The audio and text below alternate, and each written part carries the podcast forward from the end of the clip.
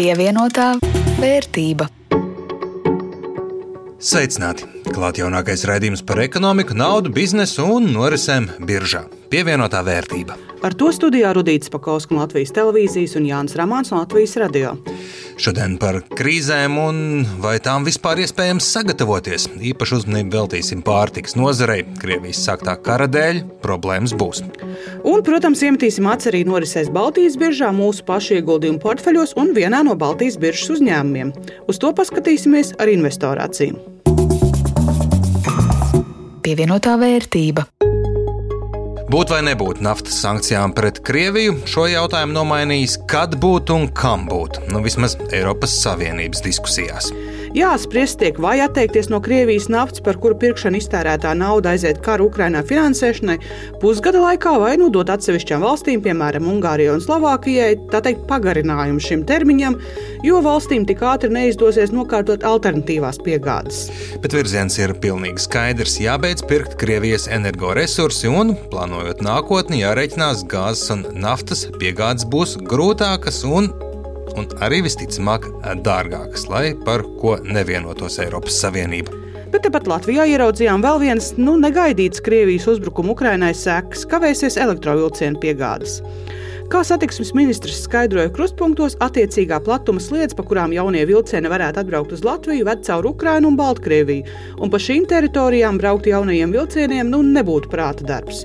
Tagad nāksies vilcienus izjaukt un vest pa autoceļiem. Bet no labo ziņu vācelītes es teiktu, ka redzam pēc Covid atgūšanos vairākās jomās. Lidostā par 6,8% audzis pirmajos šā gada četros mēnešos apkalpoto pasažieru skaits, par vairāk nekā 50% pieaudzis izsniegt sniegto vadītāju apliecību skaits. Te gan pieaugums tādēļ, ka pērngad pirmajos četros mēnešos Covid dēļ viss bija tukšs un kluss, ļoti maz cilvēku nokārtoja eksāmenus un tika pie tiesībām vadīt auto. Nu, tik un tā, vairāk vadītāju, iespējams lielāks pieprasījums pēc auto, degvielas un visām citām lietām, ko patērējam, lai brauktu ar auto. Pievienotā vērtība. Nu, tāda cipara nav redzēta. Jā, arī kā mēs likās, ka mūs ietekmēs daudzas lietas pagājušajā, un arī par Ukrajinu bija domāts. Jā, tad, Mēs vairāk baidījāmies, ka Ukraiņa iegāzīs vēl vairāk graudus kaut kur pasaules tirgos un cenas kritīs, tāpēc, ka Ukraiņa pat daudz pārdos pasaulē. Mēs tam bijām gatavojušies kaut kādā veidā. Tagad iznāk, ir pilnīgi otrādi, ka tur ir aizštapēts viss ciet, un, un tā pasaule radās milzīgs deficīts un, un reāls bats jā, dažās valstīs. Tā situācija kompleksajā pārtiks nozarē lakoniski raksturo Latvijas lauku konsultāciju un izglītības centra vadītājs Mārtiņš Cimermans diskusijā par risku un krīzes vadību Latvijas pārtiks sistēmā.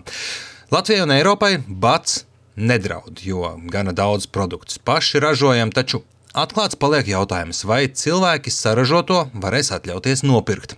Šis ir viens tāds paredzamais krīzes scenārijs, bet ir arī pilnīgi pretēji riski, ka cenu kāpums var strauji pagriezties pretējā virzienā. Visas līnijas iet uz augšu. Visas, ja? Tas nav tā, kā mēs kādreiz kaut kur nolēkājām kaut kādu vienu. Un tas skaidrs, ka, kā tu zīmē to līniju, ja, ka mēs kaut kur nonāksim kaut kādā punktā, kad būs kaut kāds samazinājums, pārsātinātība, ja kaut kur arī zemnieki man ir atklāti uzdevuši jautājumu. Kas notiks, ja, ja šie līgumi netiks pildīti? Ja pēkšņi kaut kāds apstāsies, ja? ko mēs tagad darīsim? Ja? Kurā brīdī tas pircējs var nošūpoties? Un ja Ukraina atnāk vaļā, visas tās tonnas, kas tur stāv 20 miljonu pagājušā gada raža vēl, kas stāv uzkrauta, kā saka, un, un nav vēl atradusi savu pircēju. Situācija pēdējo trīs mēnešu laikā ir mainījusies ļoti strauji un pieprasa arī straujas izmaiņas. Energoresursu cenu kāpums, minerālu mēslu, ne tikai cenas, bet arī pieejamības problēmas, arī straujais pārtiks un graudu cenu kāpums pasaulē Komplektā ar drošības izaicinājumiem mūsu reģionā un neparedzējamo nākotni ir radījis situācija, kurā ļoti grūti saprast, kuri lēmumi ir labi un pareizi un kuri nē, skaidro Latvijas lielākā lauksaimnieku kooperatīva Latvijas valdes priekšsēdētājs Roberts Strīpnieks. Mūsu vidējais zemkopis perfekti zina, kā izaudzēt ļoti augstvērtīgu, kvalitatīvu pārtiku, jebkādā tās izskatā. Bet šīs zināšanas ir veidojušās desmitos gadu. Esošās agrotehniskās pieejas ir veidojušās desmitos gadu pie noteiktas izmaksu struktūras un noteikti prognozējama rezultāti tam, ko, tam darbam, ko tu dari, tā skaitā naudas izteiksmē. Tagad pēdējo trīs mēnešu laikā viss ir sagriezies ar kājām gaisā. Šobrīd ir vajadzīgi būtu vēl desmit gadi, lai zemkopi zemkopji arī šādā situācijā saprastu, kā izdarīt gudrāko izvēli no miljoniem iespējamiem. Ja pie noteiktās izmaksu struktūras, minerālu mēslu cenas, auga aizsardzības līdzekļu cenas un produktu cenas, visi zināja, kā dabūt labāko ekonomisko efektu no zemes apsaimniekošanas, tad šobrīd cenām esot izmaksās reizes 5, gala produkcijai reizes 2 Tad kur tagad ir tas piesātinājums, jeb labākās izvēles ceļš? Šī ir tikai viena no problēmām, kur risina pārtiks audzētāji, un gan jau neiztiekot bez kļūdām, veidi, kā krīzi pārvarēt, tiks atrasti galu galā. Tā nav tikai lauksaimnieku problēma, bet arī valsts drošības jautājums, lai visi būtu pēduši. Te gan jāatzīst, strīpnieku vārdiem, drošība nekad nav bijusi Latvijas tautsēmniecības plānošanas pamatos, tam jāmainās, un viena kopēja problēma te jau visām pārtiks nozarēm ir naudas pietiekamība uzmanība pārmaiņu veikšanai, lai pielāgotos pārmaiņām, jo peļņas zaudējuma aprēķini veidoti miera apstākļiem. Saimnes Nacionālās drošības komisijas vadītājs Mārcis Kučinskis pārtiks un arī citu nozaru bažas redz, kā valsts drošībai svarīgas problēmas, bet brīdina, ka šis ir tikai krīzes sākums, bet vienlaiks arī iespēja nozīmīgām pārmaiņām.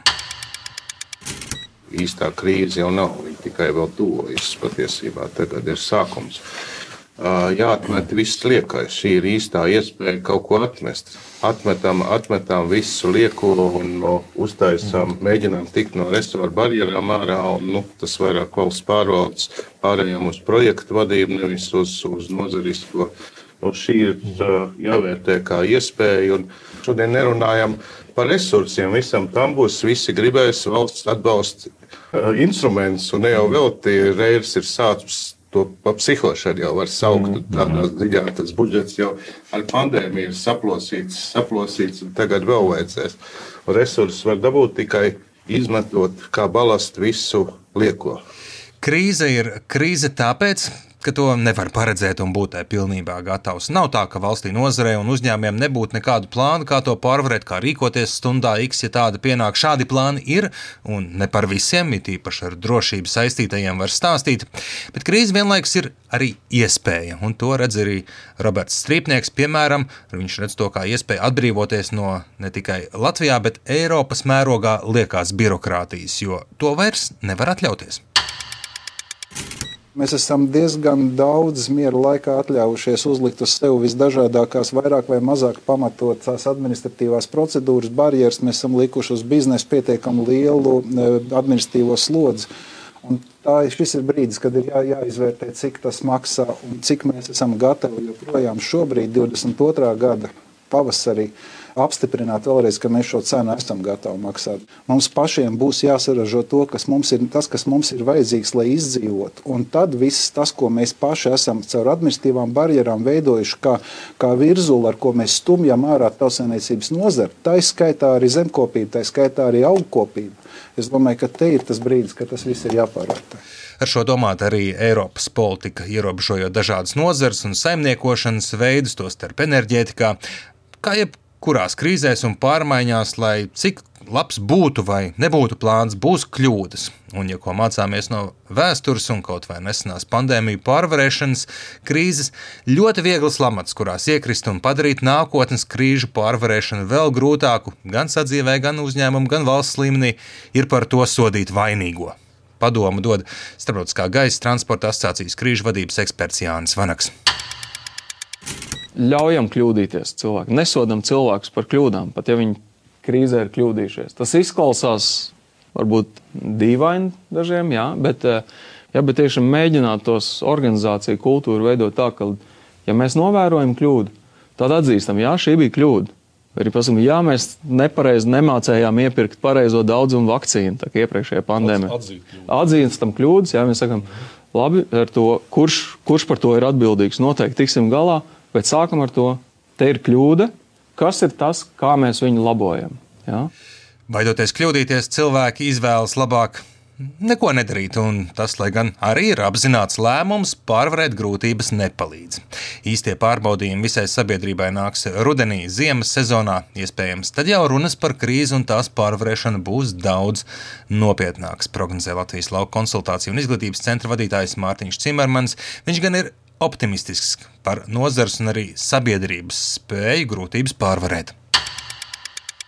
Tad, kad mēs apzināmies, ka Ukraiņa apzinās, ka ir reāli slikti, Es esmu ar poļiem runājis arī, kā viņi tika galā, kā viņi izveidoja desmitiem tūkstošu lielus kooperatīvus dalībniekus.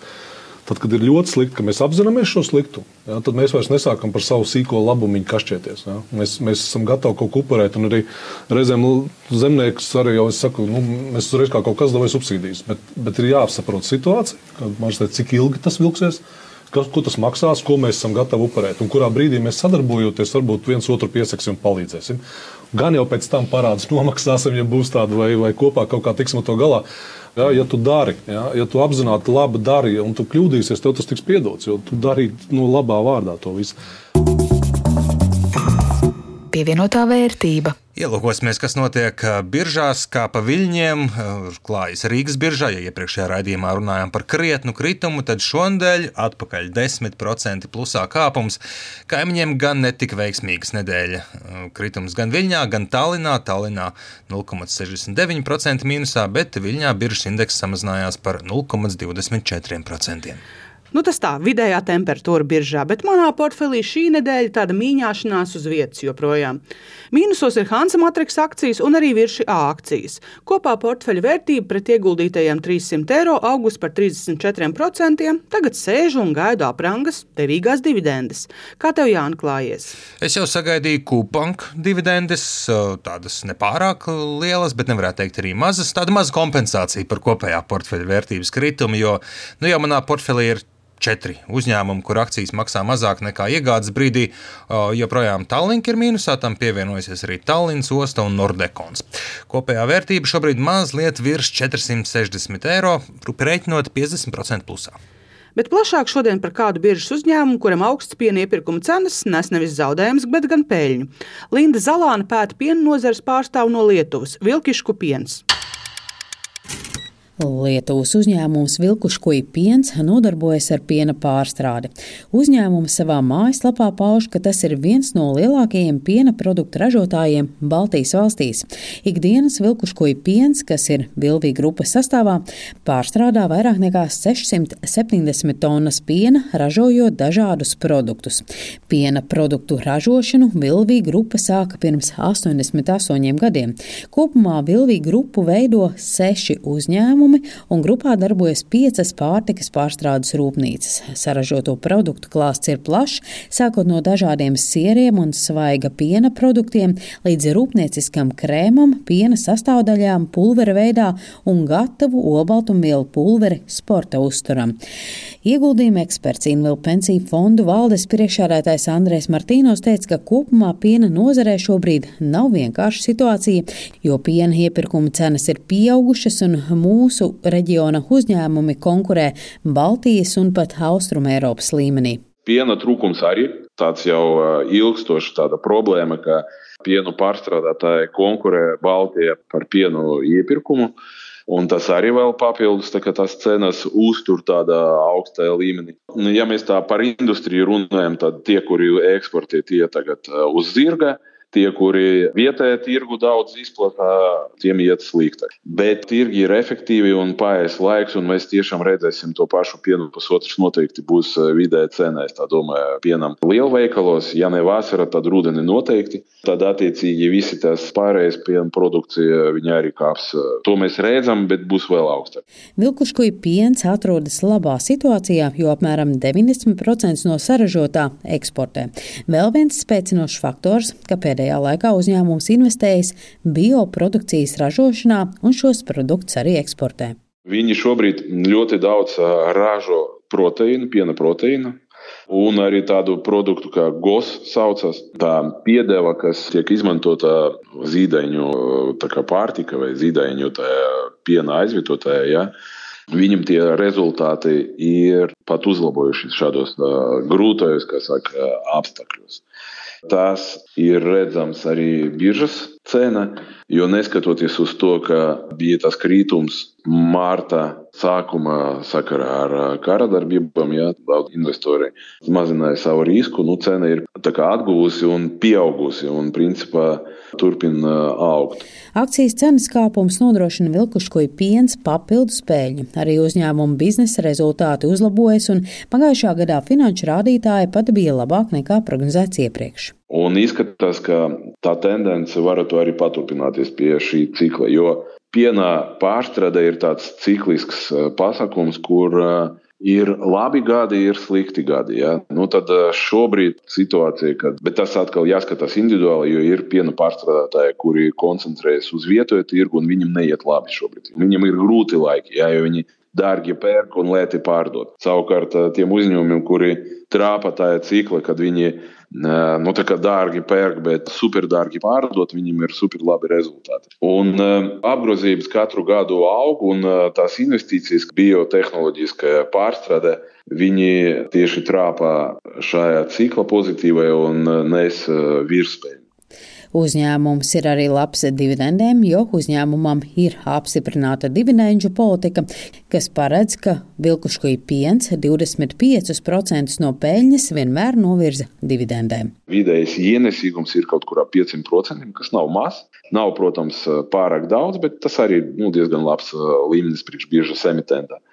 Nu, es teiktu, ka, nu, ja mēs tā skatāmies nākotnē, tad vismaz līdz brīdim, kamēr tas cikls eh, nenamainīsies. Jo skaidrs, ka kaut kādā brīdī mēs nu, vienkārši nespēsim eh, tās augstas cenas nu, uzturēt savos mākos, ja?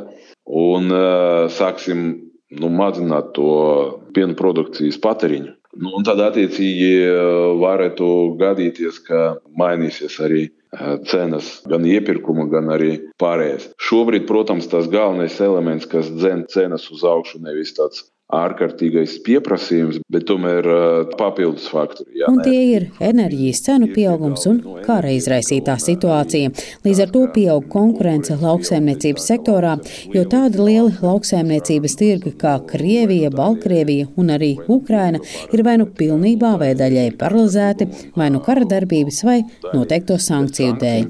Es teiktu tā, ja mēs skatāmies uz tādu portfeļa stabilizāciju ar kaut kādiem uzņēmumiem vai ar kaut kādām akcijām, kas varētu reaģēt labāk uz to spiedienu, kas šobrīd vērojams akciju tirgos, jā, dēļ tā, ka likmes tiks pārskatītas. Tādā īsa vidē termiņā vienmēr vērojams pirms likmju izmaiņām vai likmju izmaiņas brīžos un laikos tāds spiediens uz akciju cenām. Tad vilkuškī piens varētu būt tāds uzņēmums, kas daļēji līdzsvaro šo spiedienu uz akciju cenām. Linda Zalāne, Latvijas radio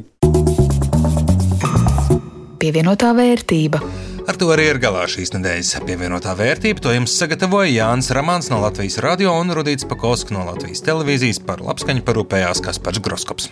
Šos un citus mūsu un mūsu kolēģu raidījumus varat atrast arī raidierakstu vietnēs un noklausīties, protams, arī Latvijas radio mobilajā lietotnē. Uz tikšanos!